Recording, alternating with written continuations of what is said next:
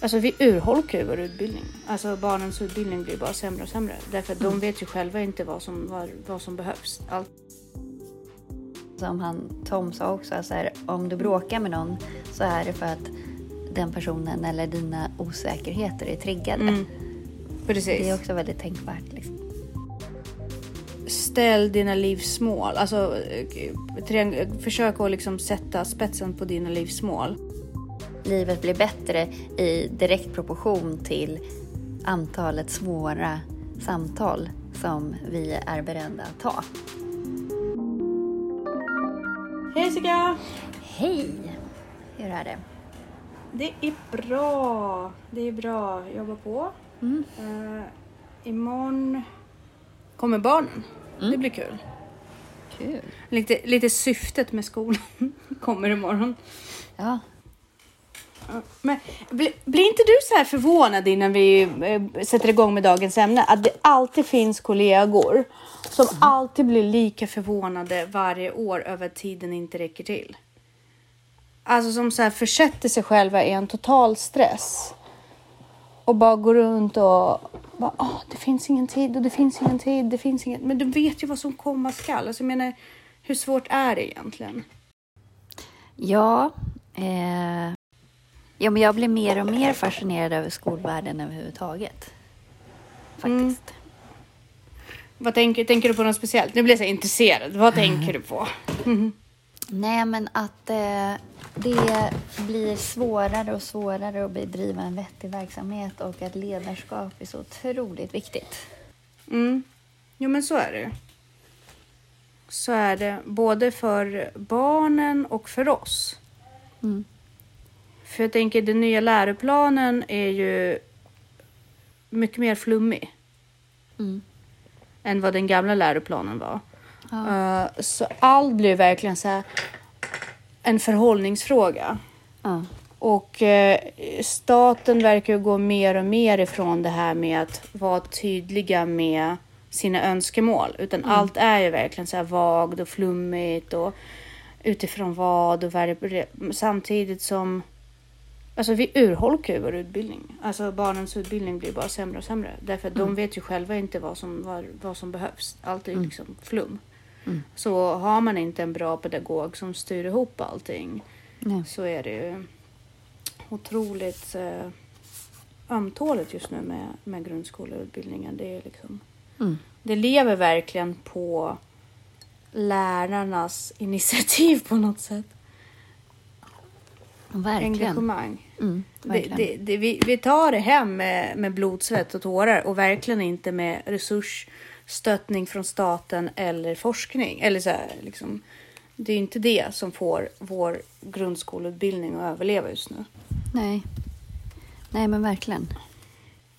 Så det spännande hur länge man orkar med det här. Ja. Jag, jag blir nästan politisk när jag hamnar i skolan. Nej, men jag, jag vill nästan, jag får inte lust att gå till lärarhögskola alls, utan jag, jag vill gå och börja liksom bedriva politik. ja. Eller starta en egen skola. Eller starta en egen skola. Men vet du vad? Jag har sett ett Ja par. man, ja, man blir lite otaggad på liksom. Precis, um, tjejer göra det och eh, det började ju väl men eh, det blev ju också så. Men det jag vill starta det är ju en NPF-skola. Det hade ju varit jättekul.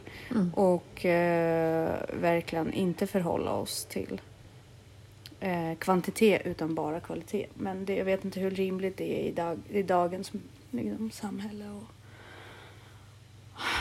aspirera på det. Men eh, det är inte det vi ska prata om idag. Eller vi kanske kommer spåna in på det också. För jag tror att det går väldigt mycket hand i hand med det vi ska prata om idag. Fastän vi kommer börja med relationer.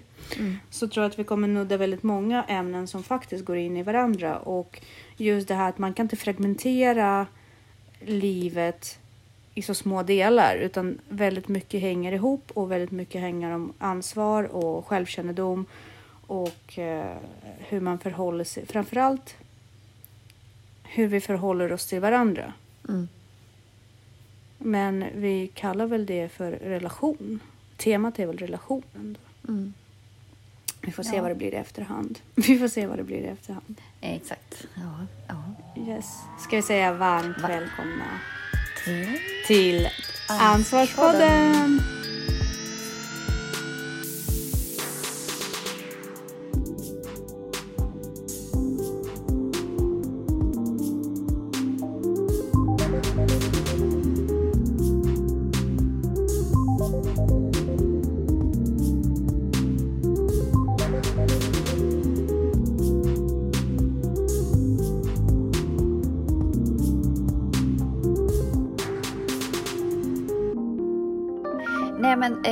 Sådär nygammal grej igen.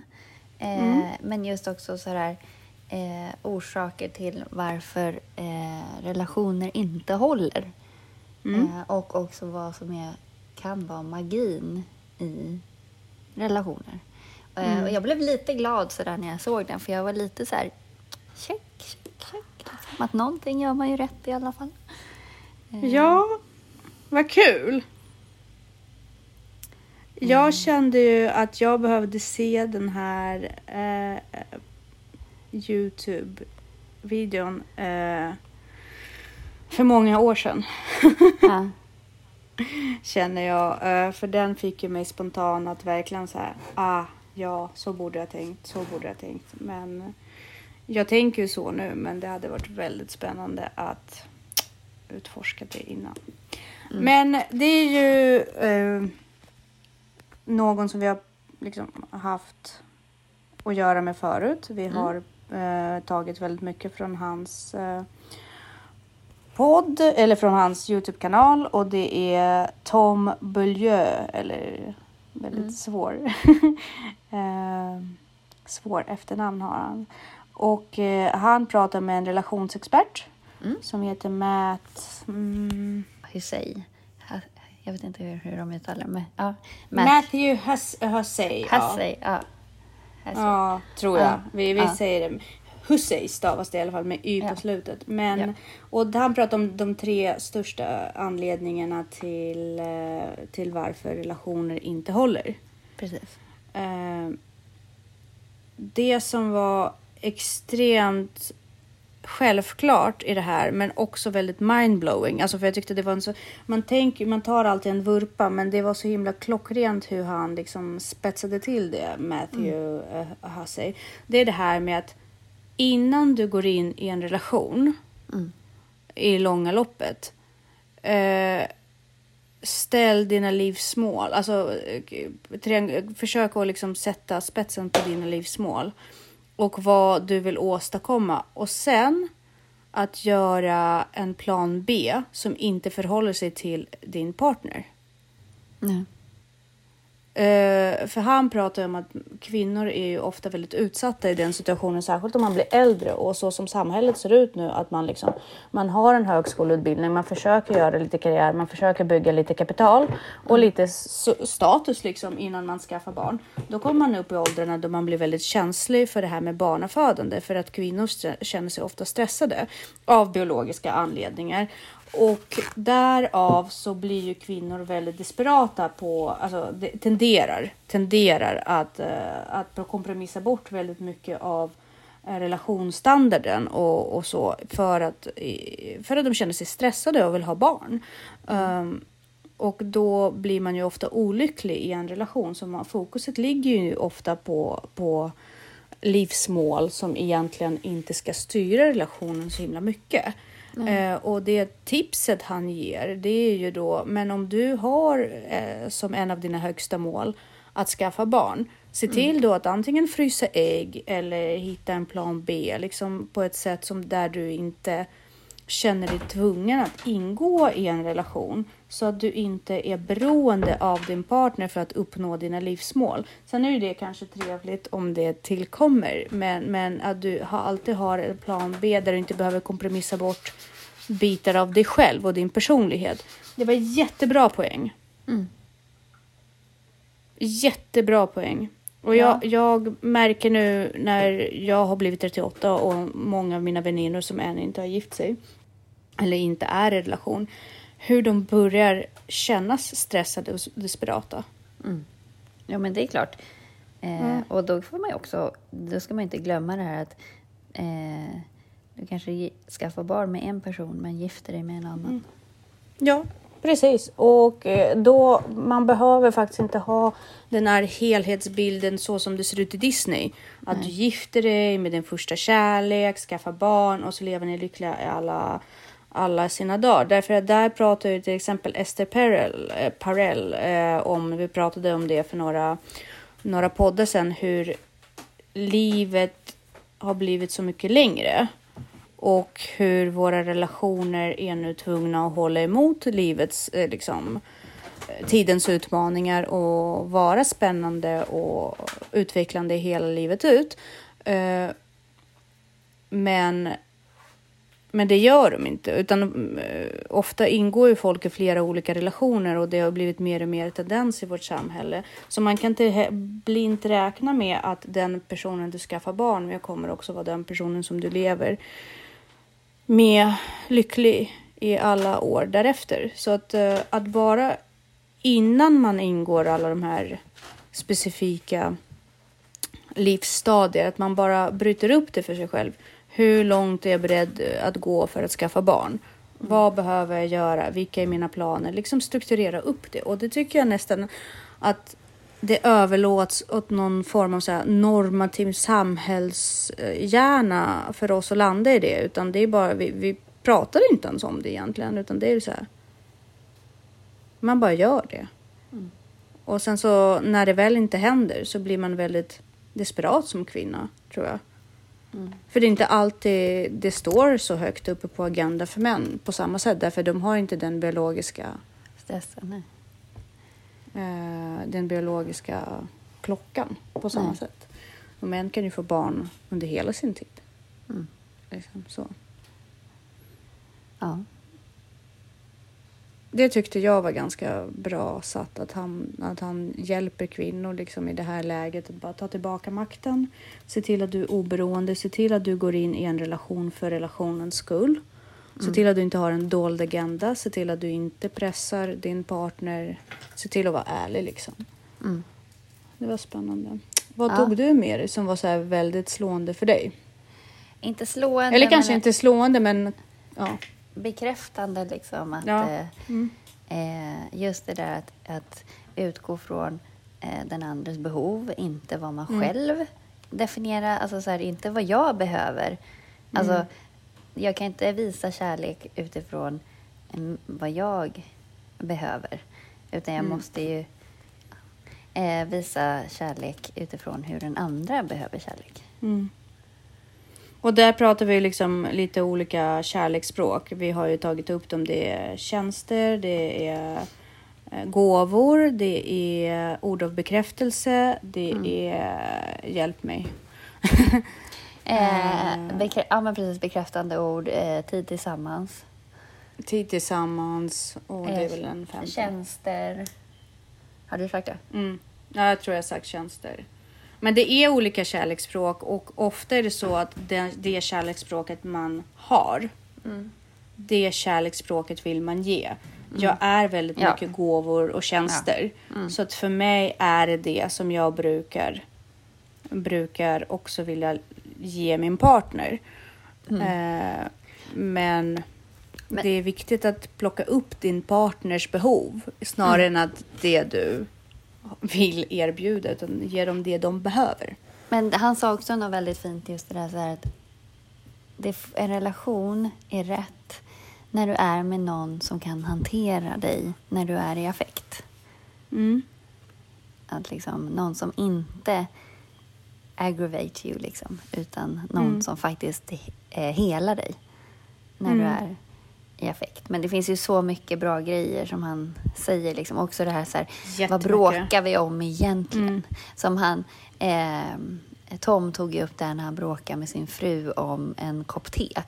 Bara, det är ju inte en kopp te vi bråkar om egentligen. Alltså, Mm. Nej. vi bråkar ju om huruvida vi såg framför oss hur den här dagen skulle spenderas. Eller liksom Mm. vad, vad det innebar att bemöta varandras behov. Precis, och där det ena pratar om stress, att för dem är det att en dag tillsammans handlar mest om att bara kunna varva ner, chilla, finna flow i dagen tillsammans. Och den andra var så här, jag måste få ut all valuta för pengarna så idag ska vi hinna det där, det där, det där, det där. De ville ju samma sak egentligen. De ville göra den här dagen någonting minnesvärt för de båda men de pratade ju liksom olika kärleksspråk i det. Och eh, det jag tyckte var rätt slående i den berättelsen var ju att eh, när Tom säger nu skiter vi det här, vi, kör, vi, vi åker inte ut på hotell, till hotellet, vi, jag vänder om och så åker vi hem för nu är allt förstörd. Eh, att han ändå vänder om bilen sen Mm. och, säger, Precis. och att de kan ha diskussioner. För det här med att bryta affekt Mm. är ju en väldig styrka. Ja. Och, Och, ja, fortsätt. nej, men jag tänkte också på det här som, som han, Tom sa också. Så här, om du bråkar med någon så är det för att den personen eller dina osäkerheter är triggade. Mm. Precis. Det är också väldigt tänkvärt. Liksom, Precis. Och eh, du måste ju vara väldigt rationell och tänka igenom vad det är som är triggat i mig. Och förmedla det till din partner på ett sätt där din partner kan eh, tolka det och ta till sig det. Att eh, här pratar vi inte om ditt beteende. Här pratar vi om vad ditt beteende triggar i mig. För att jag är uppfostrad på ett annat sätt till exempel. Eller någonting så. Uh, men även att jobba med sig själv. Att bara för att du har blivit kodad på ett sätt när du växte upp på dina triggers så betyder det inte att din partner gör det här för att skada dig. Nej. Utan för din partner är, kanske ser uh, verklighetsmaterien ut på, på ett annat sätt just kring dessa saker. Det som Matthew tar upp därefter är ju någonting som man kallar för känsloknappar. Mm. Och det var eh, intressant för han använde exempel där han sa att han gick in i affekt när han växte upp och sen så resulterade det i att han lämnade sin kompisgrupp och eh, isolerade sig själv och sen så eh, hade hans kompisar de som sa så här, "Ta- eh, häng med, häng med liksom Matthew, häng med. Men han var så inne i sin, så här, han var så, han var så förrättad liksom. Han tyckte det var så jobbigt det som hade hänt. Någon bråk hade skett liksom. Så att han låste sig in i sitt rum och därmed inte var med på en övernattning. Det här är ju en ganska intressant grej vad han gör av det. För han säger så här, jag berövade mig själv en upplevelse hellre än att ändra min sinnesstämning. Och jag tror att det ligger en väldig kraft i att kunna göra det. Just för att inte gå miste om eh, sådana tillfällen. För jag kan ju vara definitivt allt eller inget när jag går in i affekt och bara nu skiter vi i allt, nu skiter vi i allt liksom. Mm. Bryta. Men att ha den här commitment, att fullfölja en plan Mm. eller att jobba med sig själv. Då måste man hitta väg tillbaka till att kunna styra, styra sig själv och då måste man ha en fantastisk självkännedom och liksom man kan inte lägga över allt på sin partner. Man måste hjälpa sin partner man, när man själv är i affekt och hitta tillbaka. Det är liksom någonting som man aldrig kan bara förvänta sig att någon annan ska alltid veta till hundra procent vad du Nej. behöver. Utan, Men också som, apropå det, liksom, att kommunicera och prata också som, sa, som han säger att här, livet blir bättre i direkt proportion till antalet svåra samtal som vi är beredda att ta. mm. För det gör ju att man kan utvecklas och att man kommer vidare. Ja men precis. Det, är verkligen en, en eh, Youtube eh, klipp som är, den är ju två timmar, det är knappast en klipp, ett klipp, det är liksom två timmar, tre minuter, det är en hel film. Men den är extremt informativ och jag tror att det som är himla bra med den. Gödslar med bra citat. Ja, och den är så uttömmande på något sätt. Man kan ju Mm. fortfarande spinna vidare på det, men jag tycker att de gör ett bra jobb i att inte förenkla det här ämnet därför att många han är väldigt Eh, tydlig. Ja, många gör det. De förenklar det här och sen så kan man ju säkert prata lika mycket och mycket längre om det här med. Men jag tycker de gör en väldigt eh, värdig på liksom uttömning av just det specifika förhållningssättet som de båda har. Alltså det jag tycker löper genom hela eh, klippet är den här erkännande för sig själv att du kan inte få allt i livet. Allt är en kompromiss. Allt är en kompromiss. Eh, Du väljer, om du väljer ett förhållande så väljer du bort singellivet. Om du väljer att ha barn så väljer du bort Men är karriären. det, Alltså. En kompromiss då, eller är det faktiskt bara ett val man gör? Ja, men det är det som eh, vi låter det vara otalt, för det måste ju nästan varje person förhålla sig till sig själv. Men faktum En är... kompromiss för mig eh, blir, är ju att liksom, okej, då jag ger bort det här för att få Mm. det där. Att det liksom inte... Eh, ja, att det finns något negativt över kompromiss. Att man liksom offrar något för att få någonting annat. Och jag skulle ogärna se på relationer på det sättet. Jag tror att ja, det, det har lite grann att göra med hur man är som individ och relation är definitivt är ett val och det måste man, alltså i och med att det är ett val, det är ingen som tvingar dig in i en Mm. Nej, relation. precis. Och då, är det ett val. och då vill man ju någonstans göra de sakerna som... Eh, och man vill ju bemöta den andra och man vill den väl. Och då, för, Men det kanske är så här vad, vad ord innebär. Men för mig blir inte det en kompromiss utan det blir bara ett bemötande för att man vill den andra väl. Om det är någonting som man liksom behöver. Och det är väl någonstans där, där de försöker landa att det, det är inte orättvist utan det Mm. Nej, är val nej. som du styr efter och det är en livsmodell som du måste ta ansvar för att du har Mm. valt. Det är väl snarare det. Precis. Du har gjort ett val, du har gjort en förbindelse, du tar ett ansvar för det valet. Mm. Du kan inte sitta eh, 20 år in i en karriär och missat luckan när man kan skaffa barn Mm. och ångra dig för att du inte skaffat barn. Utan då måste du tänka på det redan i början att nu gör jag ett aktivt val. Mm. Och då jobbar du med det egna psyket också och ser det mer som ett val snarare då Mm.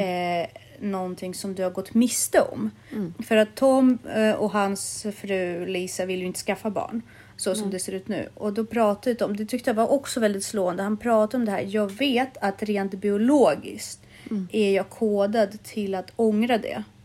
Så att alla anrop om att jag ångrar att jag inte skaffade barn kommer vara starkt drivna i mig just på grund av hur biologin ser ut.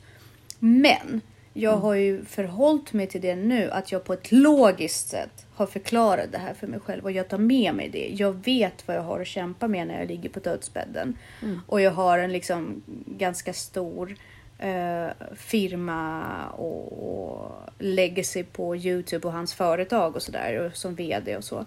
Men på dödsbädden kommer jag, jag vet ju att jag kommer ligga och ångra det, men då får jag ta den smällen.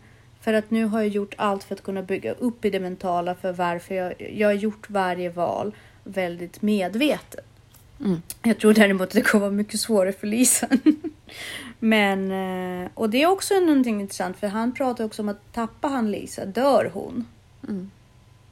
Så har han ju verkligen inte fördelat sina ägg i rätt korg så att säga. Därför att han har ju lagt all sin krut i sitt liv och all sin mening i sitt företag och sin partner. Men jag tänker också att det är väl en del i att så här, skaffa barn med någon, tänker jag. Eh, om, om det är samma person som man, som liksom man inte kan andas utan. Då är ju det en del också så här att om någonting händer, att då har man en del av den kvar ändå. Ja, precis. Och där, därav menar jag då att då har han ju gått miste om det. Han har ju liksom eh, från, men han är väldigt medveten i det. Och jag tror att tyvärr så eh, liksom jag har ju kompisar som idag har hamnat i väldigt konstiga relationer och de låter de här relationerna spela ut sig gång på gång på gång. Och jag, jag, de fattar ju inte det här att man kan, det här tar jag också, man kan inte bara liksom på något sätt fördriva sin tid med att ge folk chanser. Någonstans måste man ju ändå kunna se det logiska, det här kommer inte ske. Nej.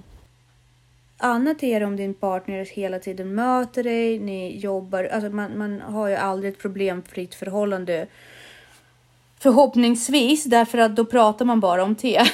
Men, men förhoppningsvis så nå- når man de där att man hela tiden utvecklas tillsammans och då, då är det bråk och problem under färdens gång.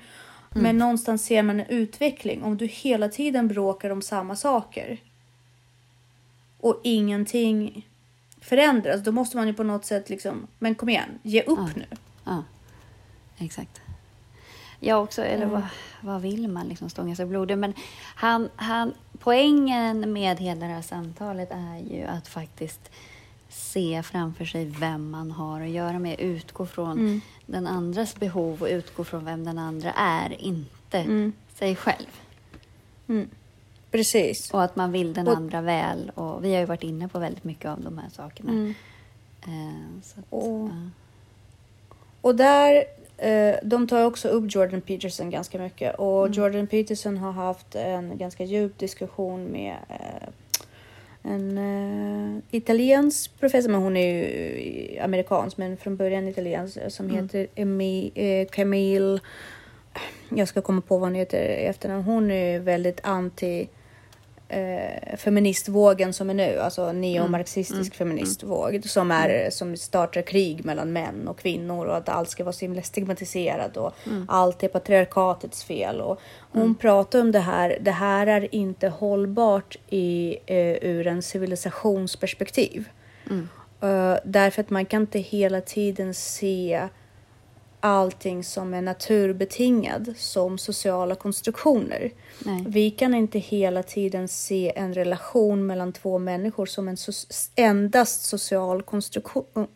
Det här handlar inte om postmodernism. Det här handlar faktiskt om att människor som för det här kriget har ju totalt gått bort från våra biologiskt betingade beteenden. Man kan inte se allt som en konstruktion av språket och samhället och patriarkatet.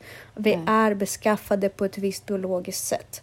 Kvinnor har en, en en hormonell uppsättning som styr väldigt mycket Mm. i vad som är viktigt för oss i stunden. Det är inte patriarkatet. Nej. Att jag vill ha barn har ingenting med patriarkatet att göra. Det har med min biologiska klocka att göra Mm. och hur mina hormoner ser ut. Att, att jag vill ha en stark beskyddare bredvid mig när jag måste ta hand om det här barnet och amma det här barnet. Det är också naturbetingat. Det här glömmer man bort. Mm. Utan här ser man det hellre som ett försvagande av kvinnan eller som, som att eh, en kvinna som vill ha barn och vill det, här har jag själv fallit offer för ganska mycket. Att, att man ser en kvinna som vi väljer liksom att vara mamma som något socialt nedvärderande. Alltså för att hon har inte status och hon har inte pengarna och hon har inte Men det är utbildning. väldigt märkligt hur man också, det har jag också tänkt mycket på, hur man kan vrida allt till patriarkatet och att det är makt. Fast det från början egentligen inte är det. Man kan till och med vrida en situation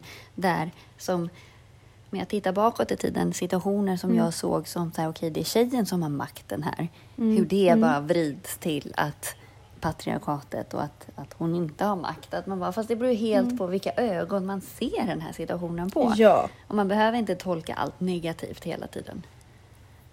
Ja, precis. Och sen så att efter andra världskriget och eh, efter postmodernismen och liksom alla Foucaultistiska tankar, liksom, då har man ju också haft en möjlighet att odla en ganska stark medelklass. Det vill säga att vi har haft en möjlighet att, att skapa en ganska trygg och avskalad från faror och upplevelsemiljö för våra barn. Mm. Vilket innebär att när våra barn kommer upp i universitets eller könsmogen ålder, Mm. då ser de ju allting som potentiella faror för de har curlats. Mm. Och då vill de hellre, helst liksom lägga över ansvaret för allt, eh, för- på allt för alla andra.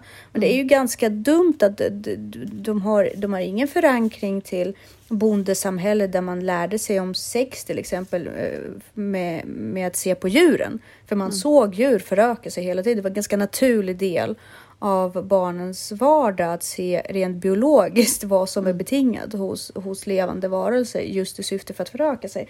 Det har inte de med sig idag. Vilket, man har ju liksom tagit steget ifrån naturen, ifrån biologin in till storstäderna där, där all mat kommer paketerad, där upplevelsen av sex är någonting som, är, som man inte pratar om. Hellre pratar man om eh, genus. Och, och, så man ser inte de här rollerna eh, på samma sätt som man ser när man lever närmare naturen, vilket gör att eh, man gärna liksom styr och ställer där och vill, vill inte ta ansvar Mm. för eget beteende. För är det så att du går in på en fyllefest Mm. som tjej i sexiga underkläder eller se- sexiga kläder och tackar ja till en promenad ensam med en kille eller någonting. Då måste du fatta vad du signalerar till dem rent biologiskt. Du måste fatta vikten av de ja du sätter med det beteende. Inte för att säga att bara för det har man rätt att våldta det, absolut inte. Nej, men, Men att man måste inte- förstå att man kanske attraherar någon eller Ja. väcker. Men folk måste ju fortfarande kunna bete sig. Alltså, Ja, att gå absolut. därifrån till att folk utövar en kriminell handling. Det är ju, det är ju som att liksom, det är likadant som att säga okej, om du går runt med en plånbok full med pengar så får du räkna med att bli rånad. Nej, Nej, Eh, men Nej. liksom det är men du onödigt. riskerar, tar du med dig pengarna så riskerar du att bli Ja, av för du med kan dem. inte lita på hur folk beter Nej. sig. Men det är fortfarande inte okej. Alltså, Nej. man ska ju egentligen kunna göra det. Men nu finns det ju idioter i världen och då kanske för sin egen skull. Men just det där att man men- absolut, man ska få klä sig hur man vill och sådär. Men man kan inte bli sur om någon tittar uppskattande på en eller om någon liksom eh, visar Jo, men det, intresse. det är det. Om du, om du inte vill ha vissa situationer, om du inte vill bli utsatt för någonting, Mm. då ska du inte gå och provocera det. Nej. Men sen Och måste det ju måste folk absolut vara ganska fortfarande med- kunna bete sig. Ja, alltså det, det menar jag inte, men det, det är liksom att sätta kravet på folk att bete sig likadant som de hade gjort i ett klassrum när man går på en fyllefest. Då är man dum. Ja, eller inte. Alltså, jag vet inte riktigt. Ja, fast- alltså, ja, jag, jag, ja. jag förstår. Alltså, jag, jag, är- jag är med hur du tänker, men jag, jag är också mer att man måste kunna ställa krav på folk. Att, att man får fortfarande inte bete sig illa. Alltså, man får ju fortfarande inte gå över någon gräns. Eh, men Det får jag- man jag- inte, men men man, man, kan inte bli utsätter sig i en riskabel nivå, alltså miljö. Om det är så att du är en tillbakadragen person som gärna är ute efter förhållanden men, men eh, vill undvika liksom att någon tar på dig på ett sätt som du, så du, du, du tycker att sånt är väldigt obehagligt. Det är väldigt dumt att söka bekräftelse på en sån fest. Mm. Ja, du är hellre då att man dejtar nykter på kaféer. Ja, Förstår precis. du? Ja. Eh, och så, att, eh, så, så där är det återigen det här som Matthew pratar om, känn dig själv. För Mm. han säger ju också att mm, han, han, har ju, han är ju relationsexpert både vad gäller kvinnor och män. Men det är Mm. ju, majoriteten av hans kunder är ju kvinnor och han pratar väldigt mycket om att eh, många kvinnor ångrar ju sexuellt Mm. umgänge eh, för snabbt. Eh, för, för ett tidigt skede i relationen. Män är ju inte på det. Alltså många män känner inte samma sak. De känner att kanske det är synd att relationen inte gick som det ska, men de ångrar ju sällan på samma sätt det sexuella umgänget. Och- Men då är det ju upp till, till kvinnan att veta den sidan hos sig själv. Alltså att jag uppskattar inte det, då borde jag ta bättre ansvar för det. Och det är lite samma sak. Man, det, vikten ligger på att veta hur mycket man kan hantera if shit hits the fan.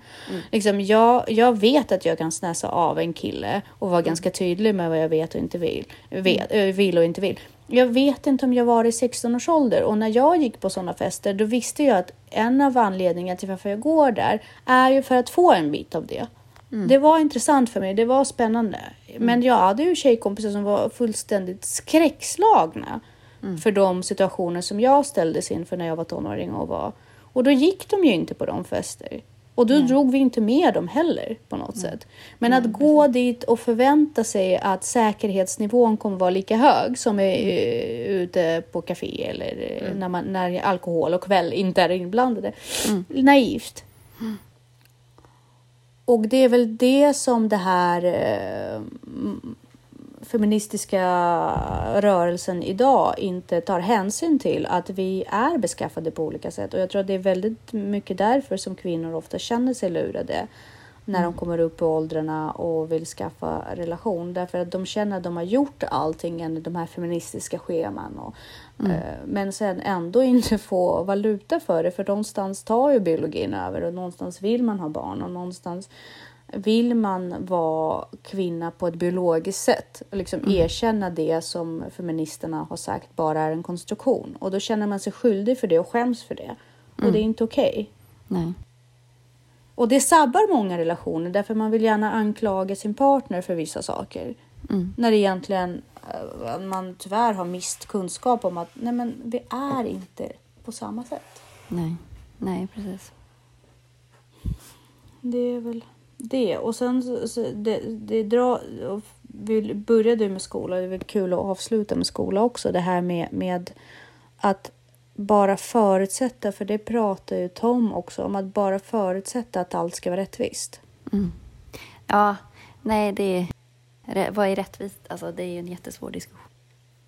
Nej men alltså, säg att man kan hitta en, en potentiell rättvisa i, i, att, i allt. Men vem har sagt att när man föds att det är någonting som man ska ha rätt till? Nej. Liksom, eh, när du blir ihop med din partner. Om du tänker utifrån rättvisa, då har du missförstått relationen. För det är inte rättvist. Det är efter behov och på grund av kärlek och på grund av att man har tagit sig och har gjort det valet. Mm. Det är ingenting med rättvisan att göra. Nej. Det är helt Nej. andra premisser. Mm. Nu kände jag här, jag blev så uppe i varv. För att jag tycker att det, det är så viktigt de här grejerna och jag tycker att vi skadar våra generationer som, som kommer genom att inte erkänna våra biologiska betingningar. Liksom, vi, Nej, nej, men precis. Så att, men, men alltså, det är, finns ju, det finns ju biologiska betingningar och sen så finns det ett samhälle med normer och värderingar och rätt och fel Mm. och moral.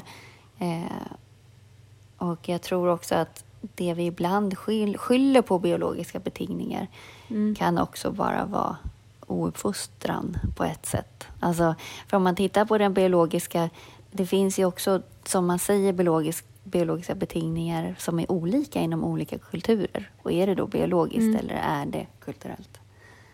Nej, men det, men det absolut. Och jag, jag menar inte på att man ska ta ifrån ansvaret från den som beter sig ohyfsad bara för den, har, den är en man och har drifter. Men det är på samma sätt man tar inte bort ansvaret från kvinnor som behandlar män på ett manipulativt och elakt sätt. Det, det är inte det. Men Nej. om du känner Mm. till eh, sanningen om det andra könet Mm. då vet du också hur och vad du kan förvänta dig i värsta fall. Det Mm. kommer liksom inte som en överraskning, så man går inte in hos en tiger och provocerar. Eh, fastän den är tam och kanske är på cirkus, men om den inte känner det, du vet hur den beter sig i naturen.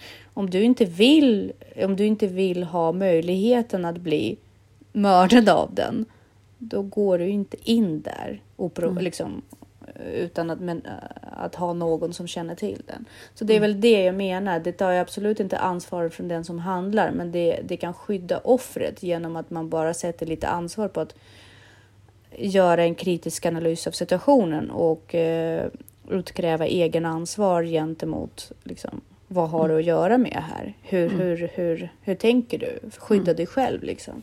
För att världen är inte ett rättvist, en rättvis plats på det sättet som, som vi gärna ofta vill berätta för barn att den är.